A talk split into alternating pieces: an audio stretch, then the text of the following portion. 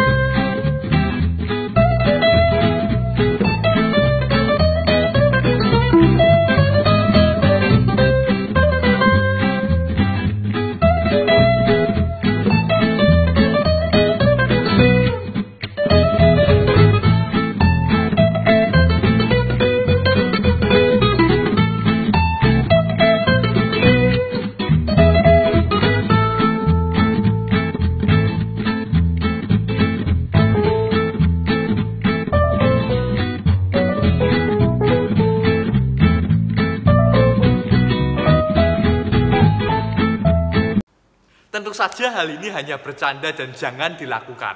Karena ini bukanlah cara yang sebenarnya untuk memulai bisnis tanpa modal. Ini bukanlah cara yang sebenarnya yang bagus untuk mendapatkan uang tanpa modal.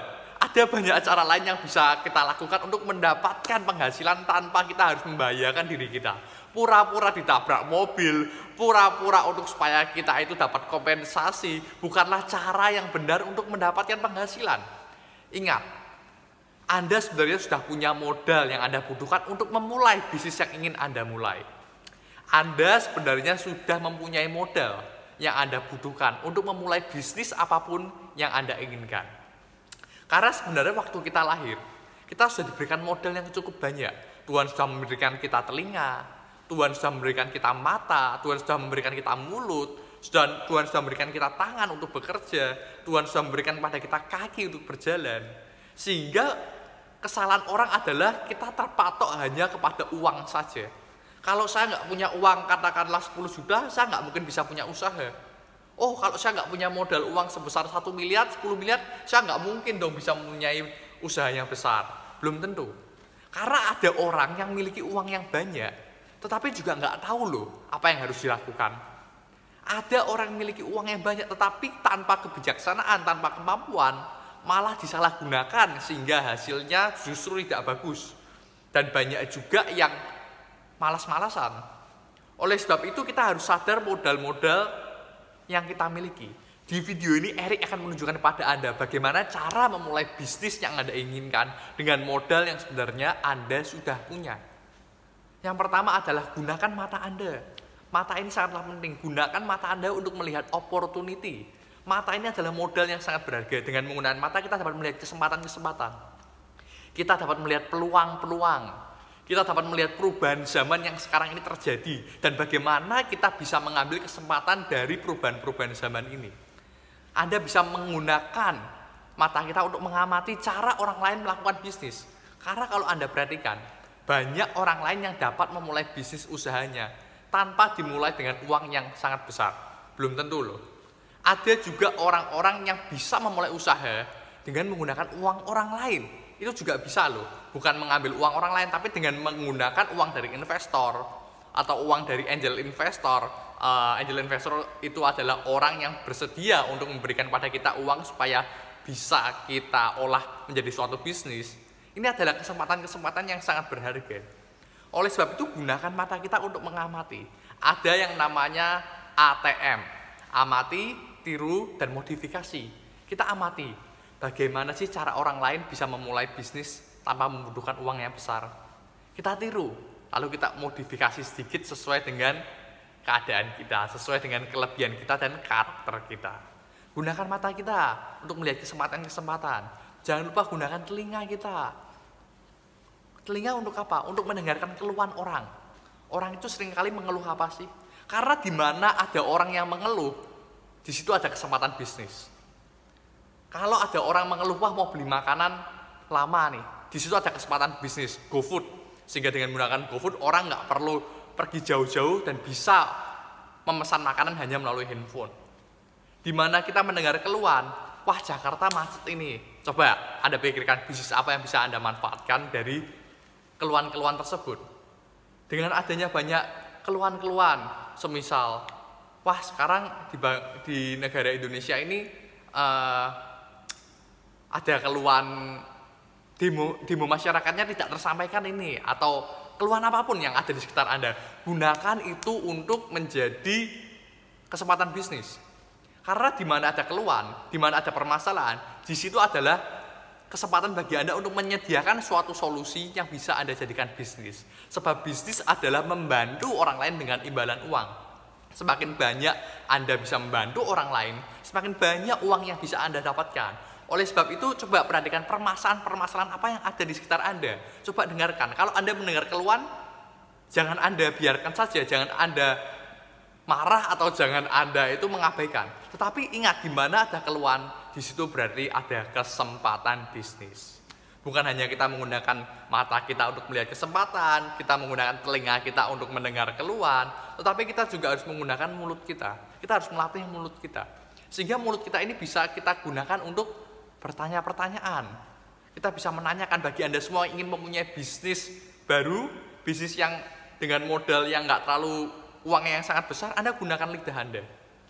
Bagaimana Anda gunakan lidah Anda untuk bertanya kepada orang lain, apa sih yang Anda butuhkan? Anda juga gunakan mulut Anda untuk menawarkan produk-produk yang ingin Anda jual ke orang lain. Anda gunakan mulut Anda ini untuk sesuatu yang positif. Sehingga mulut Anda ini bisa menghasilkan uang. Bisa loh. Jangan gunakan mulut Anda ini untuk selalu apa ya? Mengasihani diri sendiri atau kita itu selalu menyalahkan keadaan. Jangan. Tapi gunakan mulut kita pastikan bahwa setiap perkataan yang keluar dari mulut kita adalah perkataan-perkataan yang berkualitas. Ada orang yang sudah punya produk, sudah jadi produknya bagus, tetapi takut untuk menawarkan ke orang lain. Hati-hati, karena kalau kita ini hanya uh, membangun suatu produk saja, tetapi kita tidak berani untuk berbicara, kita tidak berani untuk menawarkan produk kita, menjualkan produk kita ke orang lain, maka bagaimana produk kita bisa laku?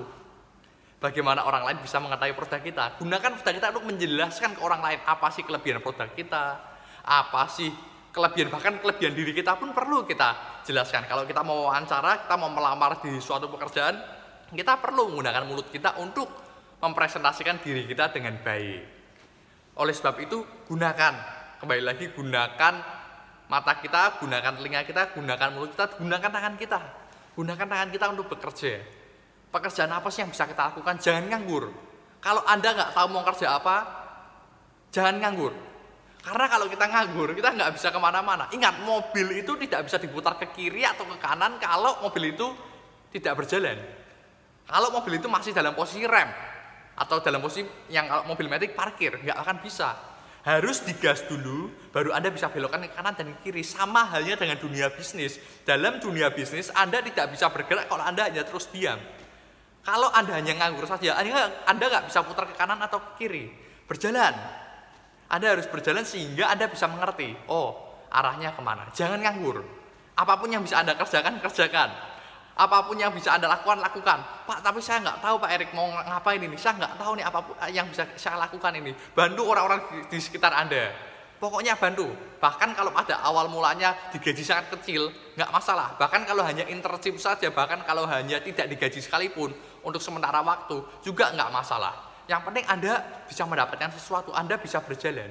Kalau Anda diam, kalau Anda posisi nganggur, Anda posisi rem, maka kita nggak akan bisa ke mana-mana. Ingat, kalau kita selalu memperhatikan cuaca, kalau kita selalu memperhatikan angin, kita nggak akan bisa menanam. Maksud Erik begini, tidak ada yang namanya perfect timing itu nggak ada.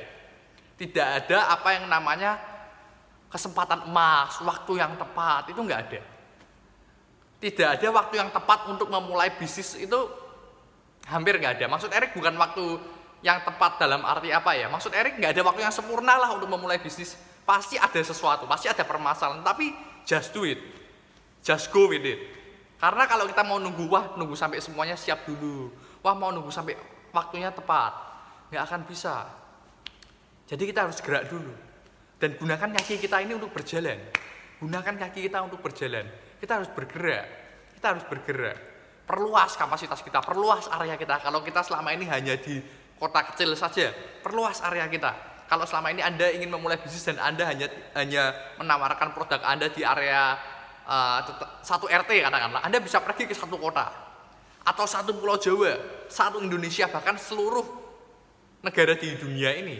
Anda bisa gunakan kaki Anda untuk memperluas jangkauan-jangkauan Anda. Dan di situlah sebenarnya modal-modal yang jauh lebih berharga daripada uang. Satu lagi, area akan memberikan satu lagi yaitu gunakan otak Anda bagaimana Anda bisa menggunakan otak Anda untuk meningkatkan kemampuan bisnis Anda. Karena Anda harus tahu bahwa otak itu dilatih dengan gambar. Cara melatih otak adalah dengan gambar.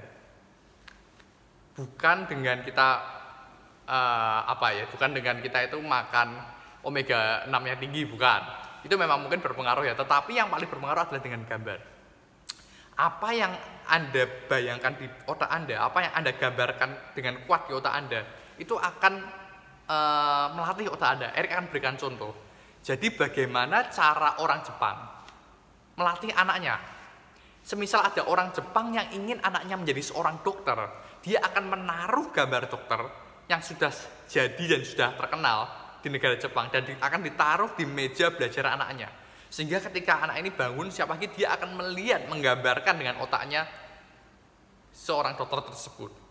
Dan dengan terus melihat gambaran itu, anak ini lama-lama ketika sudah besar akan menjadi seorang dokter juga yang profesional. Begitu juga jika ada orang Jepang yang ingin anaknya menjadi pemain violin. Dia juga akan menaruh foto seorang pemain violin profesional di atas meja belajarnya sehingga anak ini sejak kecil bangun pagi dia akan melihat foto pemain violin tersebut dan ketika besar anak tersebut dapat menjadi seorang pemain violin profesional. Dan begitulah cara melatih otak kita yaitu dengan gambar. Anda lihat, Anda perhatikan, Anda ingin menjadi seperti siapa? Anda ingin menjadi uh, orang yang seperti apa yang sekarang ini sudah ada. Semisal Anda ingin menjadi seorang pemain basket, mungkin Anda bisa menaruh poster Michael Jordan di ruangan kamar Anda atau semisal Anda ingin menjadi bisnismen, mungkin Anda bisa memasang salah satu foto bisnismen yang profesional atau apa pun itu, Anda perlu melatih otak Anda. Karena otak ini perlu dilatih dan cara melatihnya adalah dengan gambar. Jadi itu adalah modal-modal yang sebenarnya sangat berharga yang sudah ada dalam hidup kita. Pastikan Anda mengaktifkan semua modal-modal ini sehingga dengan modal-modal yang Anda sudah miliki sekarang ini, Anda bisa membangun suatu bisnis yang jadi suatu bisnis yang profesional, suatu bisnis yang sangat besar. Pak Erik, nggak bisa Pak Erik. Bisnis saya ini membutuhkan modal 10 miliar. Saya ini mau membangun sesuatu yang sangat besar. Kalau Anda memang nggak bisa mendapatkan modal uang yang sangat besar, mulai dengan apa yang Anda ada sekarang. Kalau memang modal Anda hanya 5 juta, mulai dengan 5 juta. Apa yang bisa Anda buat dari 5 juta ini?